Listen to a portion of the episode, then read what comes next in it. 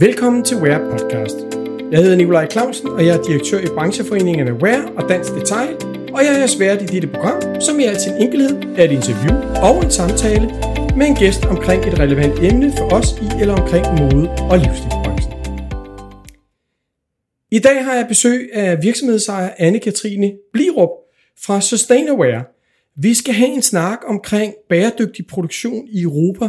Altså, er det mere bæredygtigt? Anne-Katrine, tak for, at du vil komme på besøg i dag til en uh, snak om, uh, om, om, om produktion i Europa, og om det er mere bæredygtigt end at producere i for eksempel Kina eller Bangladesh. Men uh, inden vi går i gang, kan du så ikke starte med en uh, kort præsentation af dig selv og din virksomhed? Jo, det kan du tro. Og øh, først og fremmest tak, fordi jeg må komme. Velbekomme. Øhm, jo, jamen, øh, jeg, jeg plejer at sige, at, øh, at bæredygtighed, CSR, det er faktisk det eneste, jeg kan. Det eneste, jeg, det eneste, jeg har arbejdet med nogensinde. Øhm, og har været øh, i mode- og livsstilsbranchen med det område her øh, siden 2006. Startede pioner? Kan man sige det, er, det er nok stort. Nå, okay. Der, der er jeg for jysk. Det, det, det kan jeg ikke sige om mig selv. Okay. Ja. Men, øh, men jo, altså, der, der var ikke så mange ombud dengang, kan man sige. Øhm, og øh, jeg startede ved at, jeg boede i Kina på det tidspunkt, så jeg, jeg plejer at sige, at jeg startede lidt ud på fabriksgulvet. Øhm, faktisk prøvet at tage leverandørens synspunkt første omgang, og så har fået det implementeret ind i virksomhederne, da jeg så flyttet tilbage til Danmark bagefter. Øhm, og øh, ja, så har jeg jo været ved nogle af de store danske modehuse, og har været med til at starte deres CSR- og bæredygtighedsprogram op. Øhm, øh, har rejst i hele verden og besøgt leverandører. Sådan der, hvor, hvor det meste modtøj det bliver lavet, der har jeg været rigtig mange gange. Ja. Øh, nu har jeg startet øh, Sustainaware. Det gjorde jeg i 2018. Det er startet op, fordi at øh, jeg havde faktisk et eller andet med, jeg, jeg ville faktisk helst ikke være konsulent.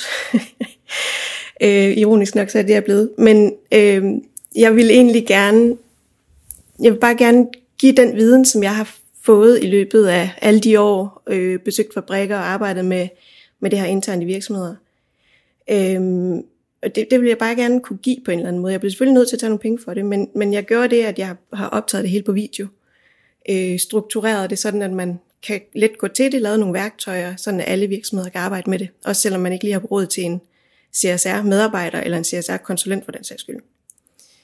Øhm, så det, det er egentlig sådan, det er startet, så jeg har den her platform, der hedder Sustainaware, som man så kan gå ind og, og se de her kurser og, øhm, og få lov at implementere tingene derhjemme i sin virksomhed.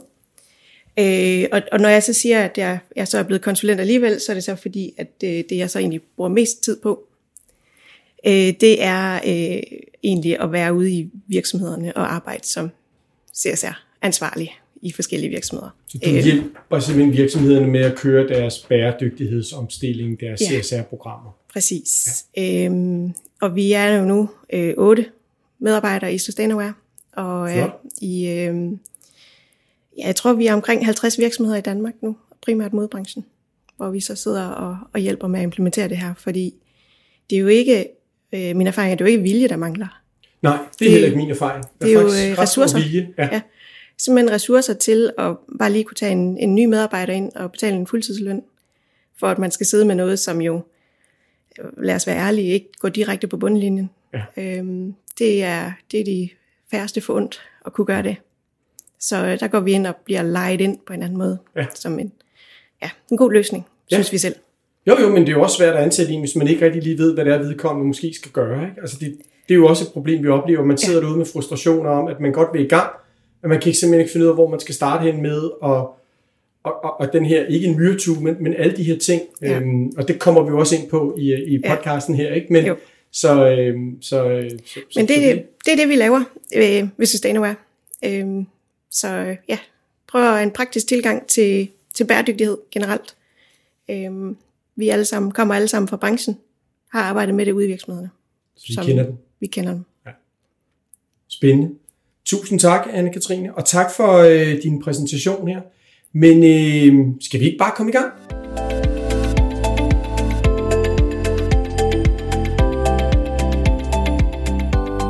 Jeg kunne godt tænke mig at være lidt provokerende her i det første spørgsmål, øhm, Anne-Katrine. Altså, kan man overhovedet sige, at det er mere bæredygtigt at producere i Europa, end det er at producere i Kina eller Bangladesh? Mm, det ved jeg ikke, om det var provokerende. Det synes jeg ikke, man kan sige, at det er. Nej. Øhm, bæredygtigt er jo et, øh, et ret fluffy ord i det hele taget. Øhm, at være bæredygtig betyder jo, at man alt, hvad man producerer, det er jo nærmest, øh, altså, at det går tilbage i en cirkularitet, ja. og, og at man ikke har brugt naturens ressourcer osv. Der er jo ikke noget af det, vi producerer nu, der ikke på en eller anden måde har brugt øh, naturens ressourcer. Så, så hvis vi sådan kigger sådan, sådan på det, så er der jo ikke noget, der er bæredygtigt. Øhm, så altså, vi snakke, alt forbrug er jo grundlæggende en modstridigt med ja. bæredygtigt. Altså sådan, hvis man skal men, være lidt grov, ikke? Men, men okay, lad os, øh, lad os øh, grædebøje det og kalde det mere bæredygtigt. Ja. og, så, øh, og så spørger du, om, om det er mere bæredygtigt at producere i Europa. Øhm, og der vil jeg også sige, det, det, sådan kan man ikke se på det.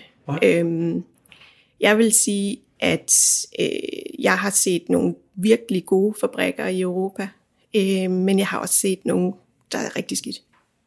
Okay. Øhm, og øh, jeg har set øh, nogle virkelig gode fabrikker i Bangladesh, og jeg har set nogle, der er rigtig skidt der. altså. øhm, så, så man kan ikke bare sige, at fordi det er produceret i Portugal, så er det mega godt. Øhm, der kan selvfølgelig være noget kulturelt, hvor vi måske bedre forstår hinanden, også fra Europa, har nogle, nogle andre værdier. Øhm, men, men det synes jeg faktisk ikke er, altså jeg har også øh, haft øh, rigtig gode snakke og fået gode løsningsforslag fra nogle øh, virkelig skarpe mennesker i Bangladesh. Øhm, så man kan sige, fordelen ved øh, produktionen i Europa, det er jo helt klart, øh, der er selvfølgelig noget transport, der, ja, hvis man der gør det lidt nemmere. Ja, afsætter på det europæiske marked. Ja, ikke? præcis. Ja. Øhm, men, øh, men når man så kigger på, hvad hedder det, CO2-aftrykket for et produkt, så er det jo egentlig ikke transporten, der så er den værste der. Ja. Så hvis vi, jo, selvfølgelig gør vi noget, der er lidt bedre, men uh, det er ikke sådan det. Det er ikke det, der vil øh, ændre verden, Nej. kan man sige. Så, så man kan ikke sige, at en fabrik, der ligger i Portugal, som udgangspunkt bare er mere bæredygtig end en fabrik, der ligger i Kina. Men der er jo en opfattelse af, at det er, hvad skal man sige, bedre at producere i Europa. Altså hvis man kigger ud mod forbrugeren. Ja. Så bliver du, bliver du mødt med, når, når du kommer ud i virksomhederne, med et, med et ønske om, at man måske gerne vil flytte produktionen tilbage. Er det noget, du kan mærke, der er mere fokus på, end der har været tidligere? Ja, altså, men, men det er faktisk øh, mere på grund af alt det her, der har været med transport hen over coronakrisen og så videre, at man, det er simpelthen, der er simpelthen for langt. Altså, så det, jeg tror mere, det er, det er, så det er nærhed. faktisk noget helt andet, der spiller ind? Ja, det er det faktisk. Øh, så det er mere det der med at have nærhed til, øh, til sin leverandør, at du bare lige kan flyve dig ned eller køre dig ned i en bil, ja. hvis der er et eller andet. Hvis det virkelig brænder på. Hvis det virkelig brænder på, så kan du tage bilen og køre til Portugal. Ja. Øh, det er måske heller ikke så bæredygtigt, men... nej, nej, men... Ja. men ja. Øhm, men, men der er den der nærhed, så, så på den måde, så kan jeg godt forstå, at der er flere virksomheder, der begynder at tænke i den retning, øh, når man har fået... Øh, fået øh, det hele i klemme ja. i Suezkanalen. men, de, men de oplever vel så også, at der er et prisissue. Det må man jo vel også, altså det kan vi jo ikke komme udenom, Nej. Katrine. Altså, Nej. Så, det er så det hvordan jo. oplever du det, når du sidder og arbejder derude og siger, okay, vi vil godt være mere bæredygtige. Vi vil godt kigge på nogle forskellige redskaber, vi kan komme ind og kigge på, og det kan vi snakke om bagefter, mm. hvad det er for nogle ting, man ligesom skal kigge på. Og vi vil godt flytte til Europa, men vi vil også gerne ligesom fastholde vores prisniveau. Altså, hvordan oplever du det pres derude lige for øjeblikket? Er det noget, der sætter jeres arbejde tilbage, eller føler du lidt, at der er samme ønske om at bare go ahead, blive mere bæredygtig, eller blive bedre, eller... Jo, altså, jeg oplever generelt et ønske om at blive mere bæredygtig. Sådan, altså, det er virkelig noget, som, som virksomheden de arbejder meget ja. med lige nu. Øhm, så, så på den måde, så stopper det ikke, men, men der er selvfølgelig problemer med, at det koster mere at producere i Europa.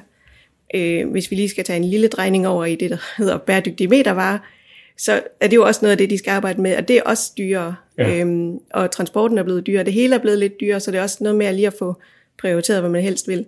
Ja. Men jeg, jeg vil også sige, at jeg ser mest, eller hører mest det som et ønske, øh, at man gerne vil have det rykket tættere på. Hvor mange der lige får gjort det, det, det kommer til at øh, foregå i, i nogle meget øh, langsomme tempi, vil jeg sige. Ja. ja. Fordi de skal netop også lige kigge på forretningen.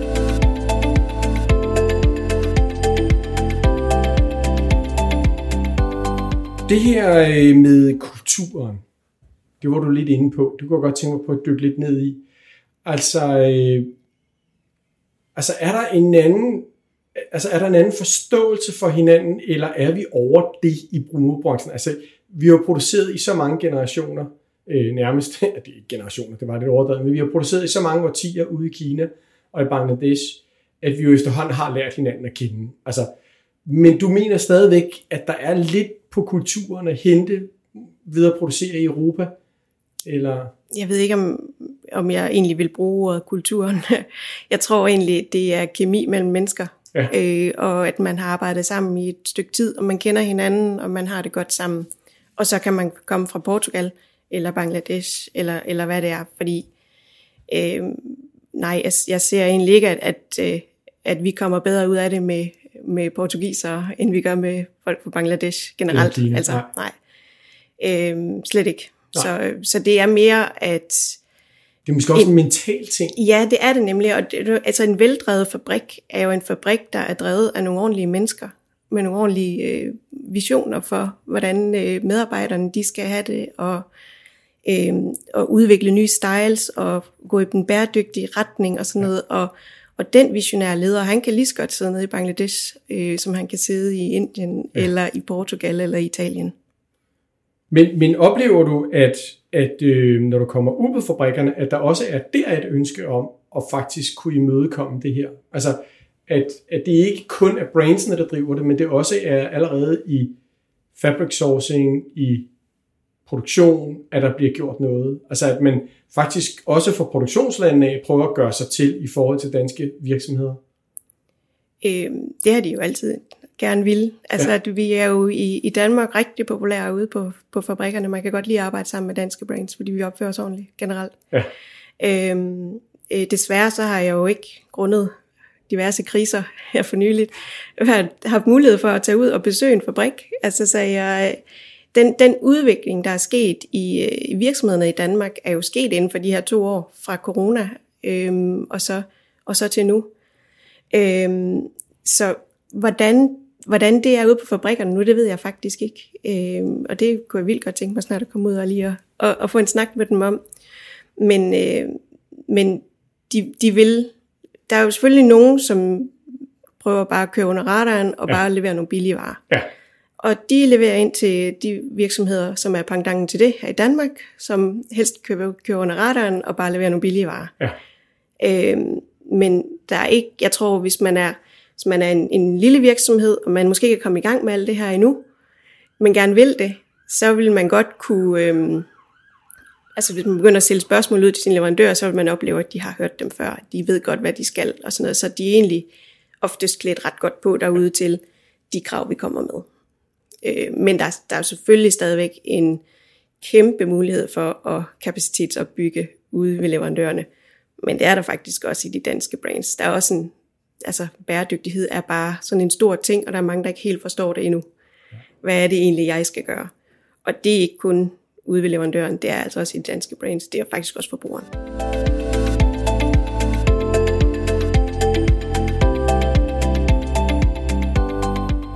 Vi kommer også lige lidt omkring her omkring lovgivningen, Katrine, fordi på et eller andet tidspunkt, det her spil, der er imellem, hvem skal ligesom komme først? Er det producenterne, der skal tilbyde en mere bæredygtig produktion, eller er det brandsene, der skal komme med kravet osv.? Men nu kommer der jo på et eller andet tidspunkt en tekstilforordning, der kommer nogle krav og så videre, som gør, at der kommer en eller anden form for lovgivning i Europa.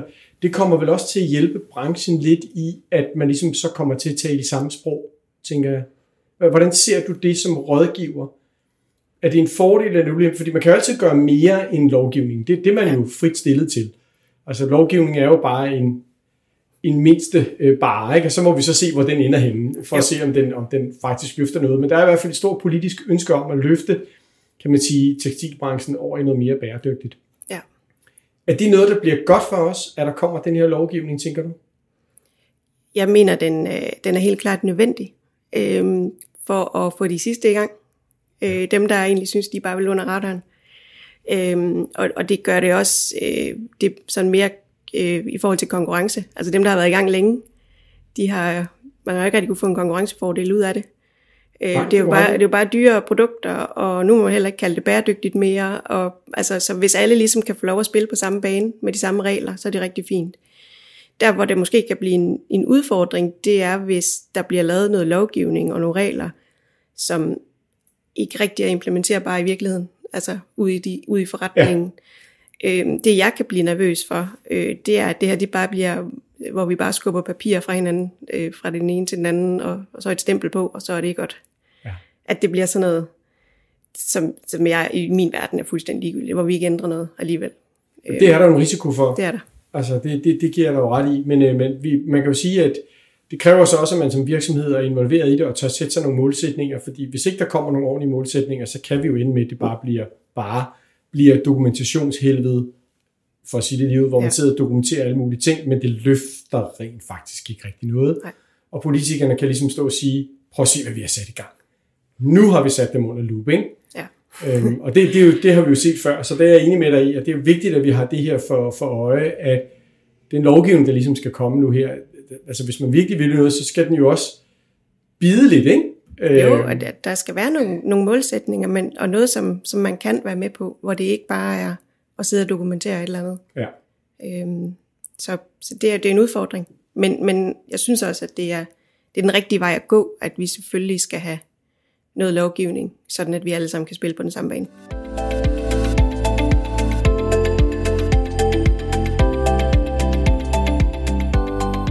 Kan der være et øh, paradoks i det her, øh, i de her, hvis vi nu, øh, lige inden vi gik i gang, der stod du og jeg lige og talt lidt omkring verdensmålene, ikke?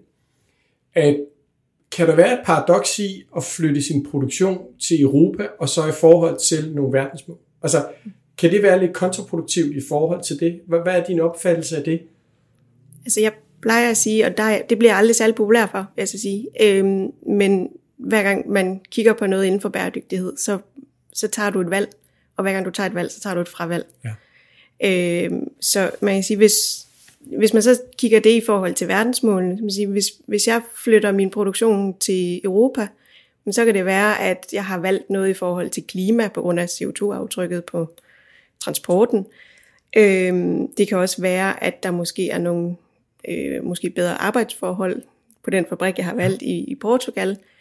Men hvis du flytter din, for, øh, hvad hedder, din produktion, skulle til at sige fabrik, din øh, produktion fra, fra Bangladesh til Portugal, så efterlader du faktisk nogle arbejdere i Bangladesh øh, og går derimod, øh, dermed imod nogle af, af de første verdensmål. Som, Udviklingsmålene. ja, Ja.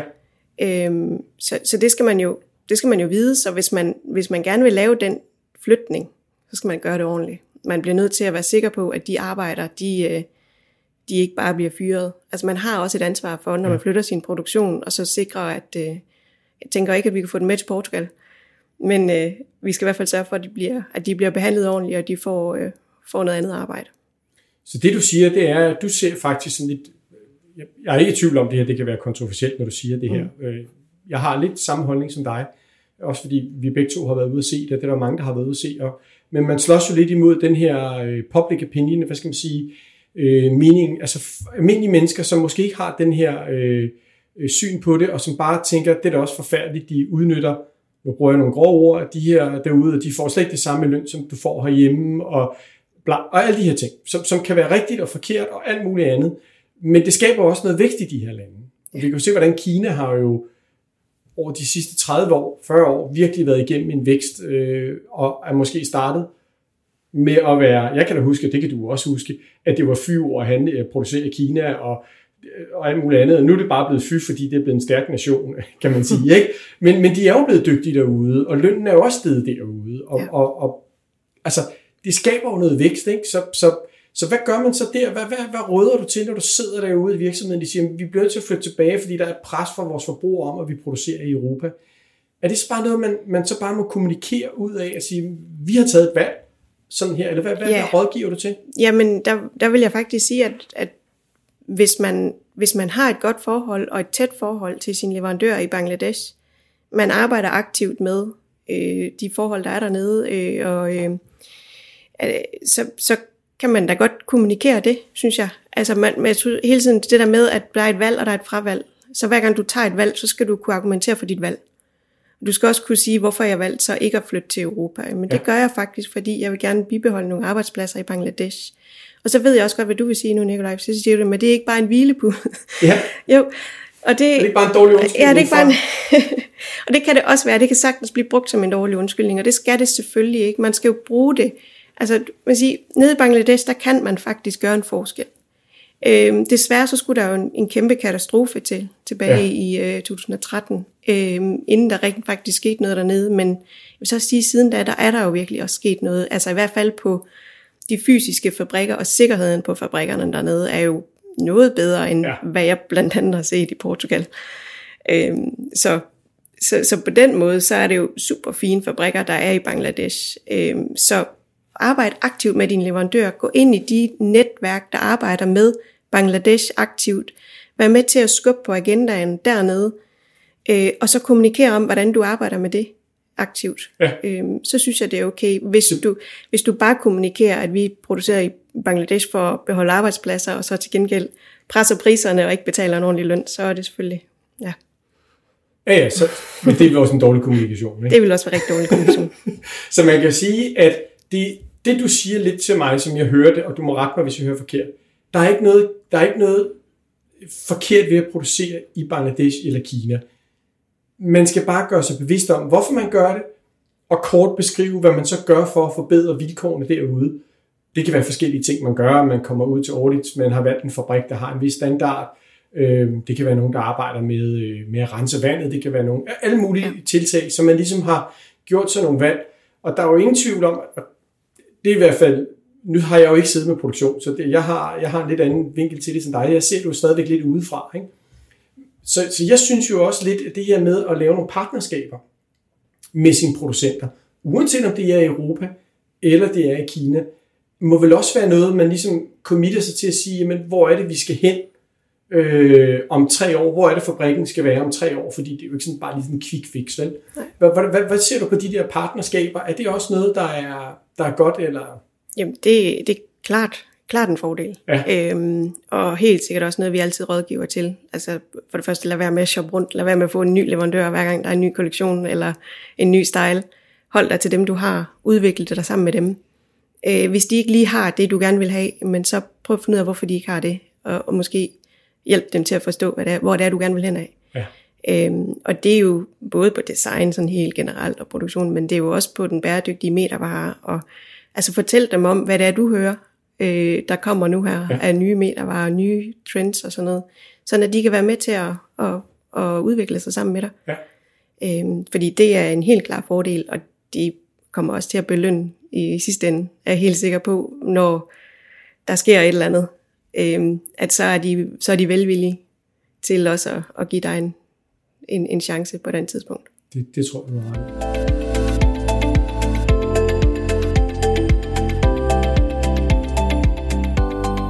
Du var lidt inde på det lige før. Det her med, at hvis din producent, uanset om det er i Europa eller ej, vi skal nok komme tilbage til det til Europa, men vi vil godt lige vente, fordi det stadigvæk er størstedelen, der bliver produceret i Kina og i Bangladesh.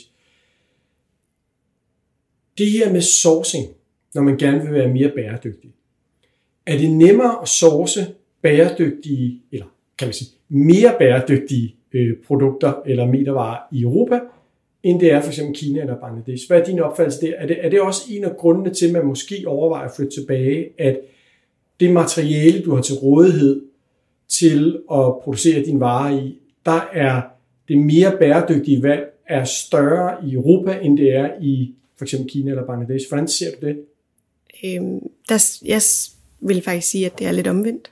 Øh, at der er meget mere tilgængelighed øh, af, af de her varer end i, i Indien for eksempel, Ja, end, end der er nødvendigvis i, i Portugal. Øh, det er jo også dem, der har råmaterialet. Det ligger jo derude, bomuldsmarkerne og så videre. Så øh, altså sådan, hvad, hvad det angår, så vil jeg faktisk sige, at det er, at det, der er mere nærhed til markedet, øh, til, til den del af så leverandørkæden. produkter, eller produkter, hvor der er noget recycle materiale i, eller noget andet. Det, du mener rent faktisk, at der er flere muligheder i Kina, Indien, Bangladesh, end der måske ligefrem er i Portugal eller Spanien eller Tyrkiet. Nej, Tyrkiet er faktisk ret godt med. De er godt med. Ja, de er rigtig godt med. Ja, Øhm, nu siger du lige recycled, øh, der er der jo selvfølgelig begyndt at komme noget i Europa også, ikke? Ja. Øhm, og det er jo så fordi, at vi jo så kan tage øh, det affald, vi har her, øh, til det. Øh, men rigtig meget af det, det recycle, der kommer nu, det er jo fra, altså cut-offs fra, fra produktionen. Så eftersom produktionen stadigvæk er ude i Kina og Bangladesh, så er det også derude, de vil kunne recycle den, øh, de øh, hvad hedder det, cut-offs, der er. Så jeg vil stadigvæk sige, at der er mest i Asien, men det kan godt begynde at skifte lige på den del. Okay. På det recycle del. Ja. Ja. Men der kommer vel også et, altså i det takt med, hvis, hvis, det, hvis, hvis vores tese nu her, nu står vi jo og snakker som om, at der er mere produktion på vej tilbage til Europa. Men det er jo fordi, jeg selvfølgelig taler med nogle af vores medlemmer, der har meget fokus på det her. Mm. Og ligesom overvejer, hvad de skal gøre, og det er jo typisk det, som du siger, det er simpelthen fordi, det er tættere på. Samtidig med det, så er det også noget med nogle øh, afgifter, nogle tolvafgifter, der er på varerne fra Kina, der også er med til at fordyre varerne, så det er klart, det skal også opveje lidt kontra prisen på at producere i Europa osv. Men, men hvad hedder det? Når man nu, som dig, kommer ud, og der sidder en, en virksomhedsejer og siger, et af de tiltag, vi gerne vil, det er at producere i Europa. Stil, hvad, hvad gør du så? Stiller du så spørgsmål om, hvad er det, du vil opnå med det? Øhm, eller hvad, hvordan, hvordan, altså, fordi hele den her, det vi gerne skulle snakke lidt om her, det er jo det her med fordele og ulemper, mm. og om det er mere bæredygtigt at producere i Europa, øh, eller det faktisk er nogle andre ting, der gør, at man flytter tilbage. Hvordan, hvordan tager du den debat med, med, en, med virksomhedsejer, eller en head of production, eller sådan et eller andet, øh, en, der sidder med det her? Presser du dem lidt på den tese, og siger, det er faktisk måske ikke mere bæredygtigt? Øh, eller hvordan, hvordan øh, griber du det an? Altså jeg, i første omgang, så vil jeg egentlig bare jeg vil egentlig sikre mig, at det ikke skal være en eller anden hvilebud, eller en, en, at det ikke er en kommunikationsstrategi. Det er godt. Øhm, ja. Fordi du skal jo ikke gå ud og, og claime, at du er mere bæredygtig, fordi du har flyttet din, din uh, produktion til Europa. Fordi jeg vil jo næsten ved med, at uh, grunden til, at de fleste har gjort det, det er jo på grund af tolvafgifter og logistik. andet, ikke? og logistik. Ja. Øhm, og, og så tager man selvfølgelig de gode argumenter på, på bæredygtigheden med også i sin kommunikation. Ja. Men hvis det så bliver hvilepude, når du så tænker, så nu behøver jeg ikke at gøre noget, fordi min, min øh, leverandør ligger i Portugal. Øhm, jo, du har stadigvæk noget, du skal kigge ja. på i forhold til menneskerettigheder. Du har stadigvæk noget at kigge på i forhold til, til løn og sådan noget, og arbejdsvilkår. Ja. Og, så så det, er ikke, det skal bare ikke være en hvilepude. Og så synes jeg da også, det er fint at, og selvfølgelig flytte, øh, flytte tingene tættere på, hvis de giver mening for din forretning. Men, men du skal bare, det skal bare ikke være en kommunikationsstrategi. Nej. Det er jo ret vigtigt, det du siger, det her med, hvornår, altså Hvordan oplever du så det nu? Det, du, du skal selvfølgelig ikke nævne øh, nogen navn, men, men hvordan oplever du det, når du sidder derude, at du måske har en fornemmelse af, at, at du nærmest sidder og skal være med til at lave en eller anden form for kommunikationsstrategi, frem for rent faktisk at lave noget, der... Altså jeg ved godt, vi startede med at sige, vi, vi har jo begge to den fornemmelse af, at der faktisk er en vilje til at ændre sig, ikke?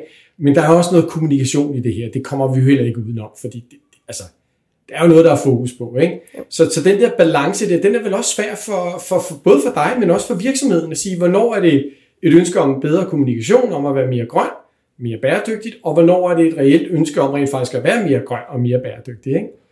Altså, jo, man siger, hvis, hvis, hvis jeg får en opgave med at skulle, skulle lave noget kommunikation, en, en ESG-rapport eller, eller andet hjemmesidekommunikation for eksempel, øhm, så, så, vil jeg jo, så vil jeg begynde at kigge på, hvad er det egentlig, I gør. Øh, og der, der tager jeg jo mine, mine nørdebriller på, og, og begynder at stille de irriterende spørgsmål. Okay. Øhm, og, det, og det er klart, at jeg kommer ikke til at lave en, en glitrende kommunikations øh, hjemmeside, hvor der står, at de er, de er grønne. Øh, for det første, så må jeg ikke længere. Det der, er der en ombudsmand, der ja. har sagt til mig, at det må man ikke. Øh, så, så, være, det gør jeg meget forsigtig. Ja, præcis. Så, så man siger, hvis det er den der, nogle gange så kan det faktisk godt være indgangsvinkelen til rent faktisk at komme i gang. Så på den måde er det egentlig fint nok, fordi de får lidt øjnene op for, Nå, okay, ej, det har vi ikke styr på. Og så, og så skulle vi måske også lige gøre lidt der, og så, og, og så begynder det at, okay, så hvis vi gerne vil sige det her, så skal vi faktisk have gjort sådan, sådan, sådan. Så det, ja, jeg går ikke ud og laver en, en, en flot hjemmeside, hvis jeg, hvis jeg ikke kan se, der er, der er noget, ligger noget bag. Det er helt sikkert. Og så hjælper vi så selvfølgelig med at få det, få det op. Det er klart.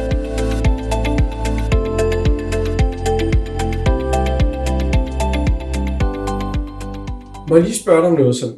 Hvad er det konkret, man køber dig ind til? vi skal bare ud. Altså, hvad er, det, hvad, er det for en, hvad er det for en ydelse, man får, når man bruger dig eller nogen, lige som det, du laver? Altså, er det simpelthen, man bliver taget i hånden, og der bliver lavet en plan, eller er det forskelligt fra virksomhed til virksomhed, hvad, hvad, hvad, hvad man gør? Altså, er, er du sådan en go to be more green-agtig, eller, altså forstår det er altså lidt plat, ikke? Men, men, men hvis man sidder lidt derude og er lidt frustreret, er det, så, er det så der, man ligesom bare helt fra starten af tager fat i dig, og så får lagt en strategi, eller er det lidt mere sådan konkrete ting, du laver? Øh, det lidt, kommer lidt an på, hvor langt man er, og hvor langt man er i sin tankeproces også omkring det der, og hvad for nogle ressourcer man har sat af til det. Men, men, men vi plejer at bryste os af, at vi, vi kommer og er altså praktisk gris. Ja. så øh, så vi, vi sidder ikke bare og siger, at så skal du gøre sådan og sådan, fordi vi ved godt, at det har de ikke tid til. Nej. Altså, så det er nemmere, at vi gør det for dem. Okay. Så man kan sige, øh, visse ting kan vi ikke gøre. Vi kan ikke, øh, altså vi, kan ikke, vi er jo ikke også der sourcer, så vi skal Nej. fortælle dem, hvad er det for noget, I skal kigge efter, hvordan skal I snakke med jeres leverandør og sådan noget. ting. Det kan, det kan vi kun fortælle dem. Men vi kan jo lave øh, alle øh, dokumenter og sådan noget, og øh, vi, kan, vi har også nogle gange, hvor vi har e-mailen på den pågældende virksomhed, og øh, så hedder den CSR-snabelag, det brand. Ja. Øhm, og så, så kan vi også skrive ud til leverandørerne, hvis øh, vi skal indhente nogle forskellige ting. Og sådan noget. Så vi er meget lavpraktiske og hjælper med det, som man ikke har tid til. Ja. Men som man, vi synes, at man skal gøre. Ja, og I laver måske også flere ting, så det er, I fylder, udfylder måske en rolle for tre personer. Ja. Eller sådan tre ja, roller, i stedet for, altså i en, i stedet for, at man har tre fuldtidssiddende til noget, som der måske ikke er lige behov for en fuldtid lige her nu, men, men man, man har simpelthen bare behov for alle tre roller for at kunne, øh, for at kunne, ja, kunne løfte opgaven. Der kan man sige, at der kommer selvfølgelig en person ud fra, fra Sustainaware, ja. øhm, men der er et team, så hvor vi alle sammen har forskellige kompetencer. Så er der nogen, der ved en masse om kemikalierestriktioner og testprogram. Så er der nogen, der ved en masse om EU-lovgivning og miljølov. Øh, så er der nogen, der ved en masse om certificeringer af GOTS og GRS osv. Og, øhm, og så er vi rigtig mange, som også ved noget om, om leverandørstyring og sourcing og, og øh, B Corp-certificeringen og sådan noget. Så vi har sådan en, vi har et, et team bagved, som, som vi hele tiden kan spørge. Så det vil sige, at hvis man får en ud, så har man ligesom rådighed over meget viden ja. øh, via en person. Spændende. Det, altså, ja, ja, det, må, det lyder jo super godt, og jeg vil jo klart anbefale, at man gør noget af det her, hvis ikke man har ressourcerne til ligesom at, at tage det hele in-house. Så, øh, så, så det er jo bare om at komme i gang med det her.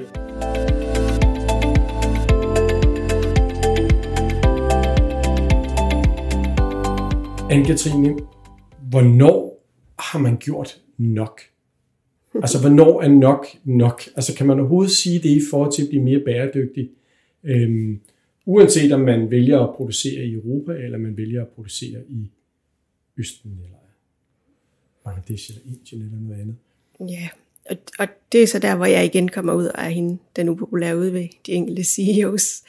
Fordi det får jeg tit det spørgsmål. Hvornår har vi gjort nok? Og, og, og svaret er faktisk, at men, når du har gjort det her, så er der noget nyt, du skal. Ja.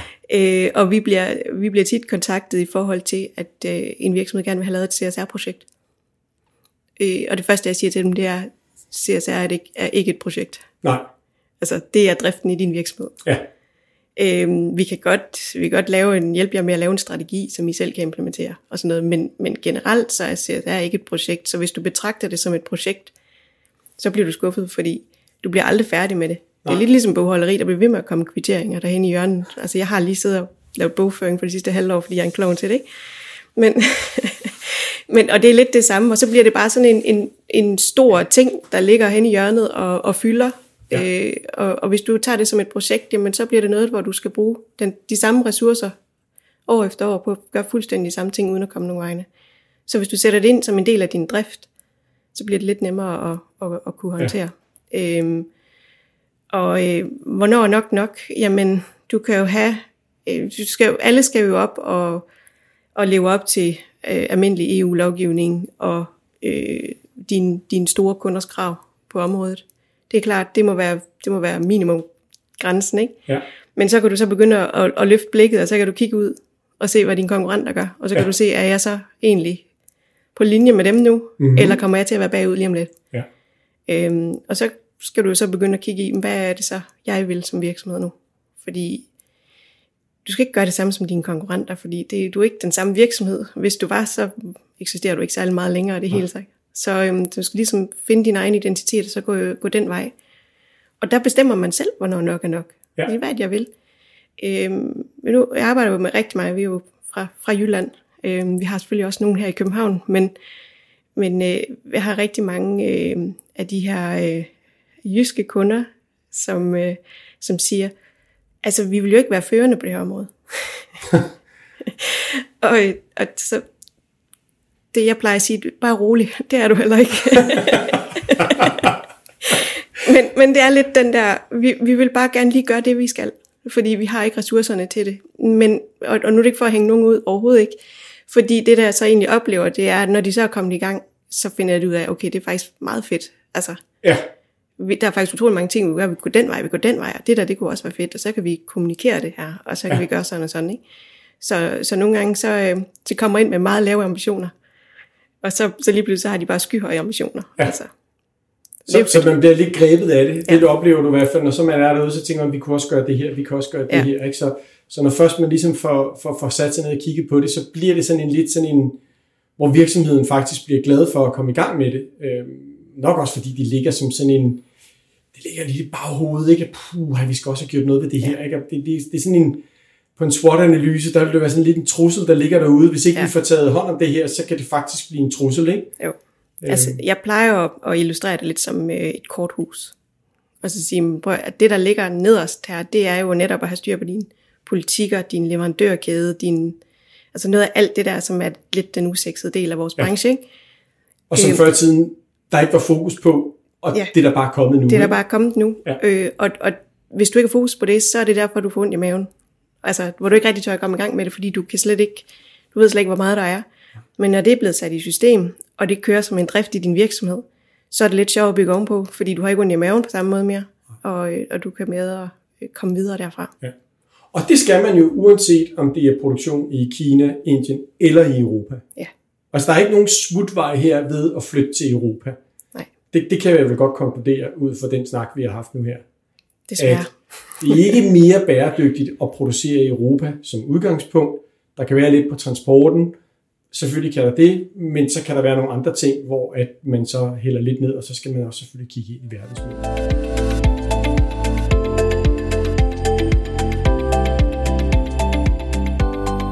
Men Katrine, øh, vi er faktisk øh, ved at komme til slutningen. Tro det eller ej, tiden flyver bare afsted. Øh, det oplever jeg hver gang, jeg laver de her podcast. Og her til sidst, så plejer jeg altid sådan, hvis det er muligt, at det giver mening at spørge dem, jeg har inde i studiet her, eller til optagelse, hvis du skulle give tre gode råd til en virksomhed, der sidder derude og måske har lidt ondt i maven, eller har lyttet til denne her podcast og har tænkt, jeg skal, jeg skal også i gang med det her, men jeg kan, ikke, jeg kan ikke finde ud af, hvordan jeg skal komme i gang. Jeg tror stadigvæk, der sidder virksomheder derude, der, der er ikke rigtig at komme i gang med det her. De prøver sig lidt frem, laver lidt, et, du ved, prøver lige med noget sourcing og kører ind og fortæller din historie om, at nu har vi også recyclet polyester i vores, øh, i vores varer og så videre, men der bliver ikke lavet den der grundlæggende fundament, som du snakker om, det her korthus. Men hvis du skulle give tre gode råd, emner, et eller andet andet øh, til, til de, de her virksomheder, hvad, hvad, hvad kunne det så være? Altså i første omgang, så, øh, så få hjælp til netop at få bygget det der fundament op. Ja. Øhm, hvis du ikke har ressourcer internt, så altså, det er ikke fordi, jeg skal stå her og sælge, man kan selvfølgelig fat i også, men man, der er også brancheorganisationerne, altså, Ja. som man sagtens kan, kan få hjælp til at få, hvordan, hvordan starter jeg det her op, hvordan Ja. kan jeg få bygget mit fundament, øhm, sådan at du netop kan få det sat ind i driften, fordi så snart du har det lidt ind i driften, så er det ikke, altså, så er det ikke lige så slemt. Nej, det er det hårde Øh, begynderarbejde. Det er den der tanken om, hvor stort det er, Ja. der faktisk skal fylde rigtig meget. Ja. Øhm, det kan også blive rigtig stort, men man kan også godt afgrænse det i forhold til størrelse på virksomhed osv. Ikke? Ja. Øhm, så det vil ligesom være det, være det første, tænker Ja. jeg. Øh, og så er det noget med øhm, at finde ud af, hvad, hvad er vi for en virksomhed? Hvad vil vi egentlig med det her? Vil vi, vil vi redde verden? Eller altså, er det, går vi op i øh, CO2-udledning? Øh, går vi op i dyrevelfærd? Øh, er, det, er det, ja, altså, hvad er det, egentlig, hvad er det egentlig, vi gerne vil? Fordi, som jeg, jeg har sagt tidligere, så tager du jo et, et fravalg, hver gang du tager et valg. Ja. Så derfor skal du være så skarp på din valg, for at du kan argumentere for det. Og derfor så skal det simpelthen komme fra hjertet. Øh, det skal ikke være, fordi du ser, at det gør dine konkurrenter, Nej. fordi det kommer du aldrig til at kunne kommunikere dig ud af. Du, det skal komme fra, fra hjertet. Og så skal man også ture og stå ved sin fravalg og sige, det er vi Ja. simpelthen fravalg, fordi lige nu har vi en plan, at de næste to år, der er det det her, vi fokuserer på. Ja, Ja. præcis. Og et tredje, Øh. hvis der er et. Mm, Tredje, det er faktisk, øh, du skal altså ikke være bange for at kommunikere det. Nej. Når du nu er, så, så få, få skrevet, hvad det er, du gør, hvad det er, du står for som virksomhed, øh, og hvor I vil hen af. Fordi, øh, Og lade være med smarte one-liners ja, og ja, alt sådan ja, noget. Som, bare være helt, Ja. ja. helt ærlig og fortælle om, hvad er det, vi arbejder med, hvor vil vi gerne hen af, hvor er vi nu, og hvor vil vi gerne hen af. Ja. Øh, fordi virksomheder, som ikke har en kommunikation på deres hjemmeside omkring, hvordan, hvad de står for, de ser ud som om, de slet ikke gør noget som helst, og er fuldstændig glade. Ja.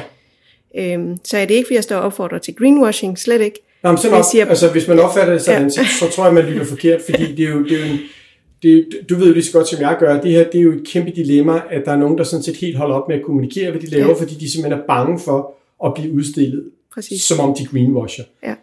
Men det er jo nok også, fordi man så nogle gange tyrer lidt til nogle korte one-liners. We are more sustainable, eller we are the most sustainable, eller ja. Ja. et eller andet. I stedet for, som du siger nu her, Hold jer til fakta. hold jer for fakta, ja. Ja. også selvom det er lidt kedeligt. Beskriv, hvad det er, I gør. Altså sådan ja. hører jeg lidt det, du siger. Ja. Og så, og så have, valgt, øh, have valgt med hjertet, så kan du bedre kommunikere, hvad det egentlig er, du gerne vil. Perfekt.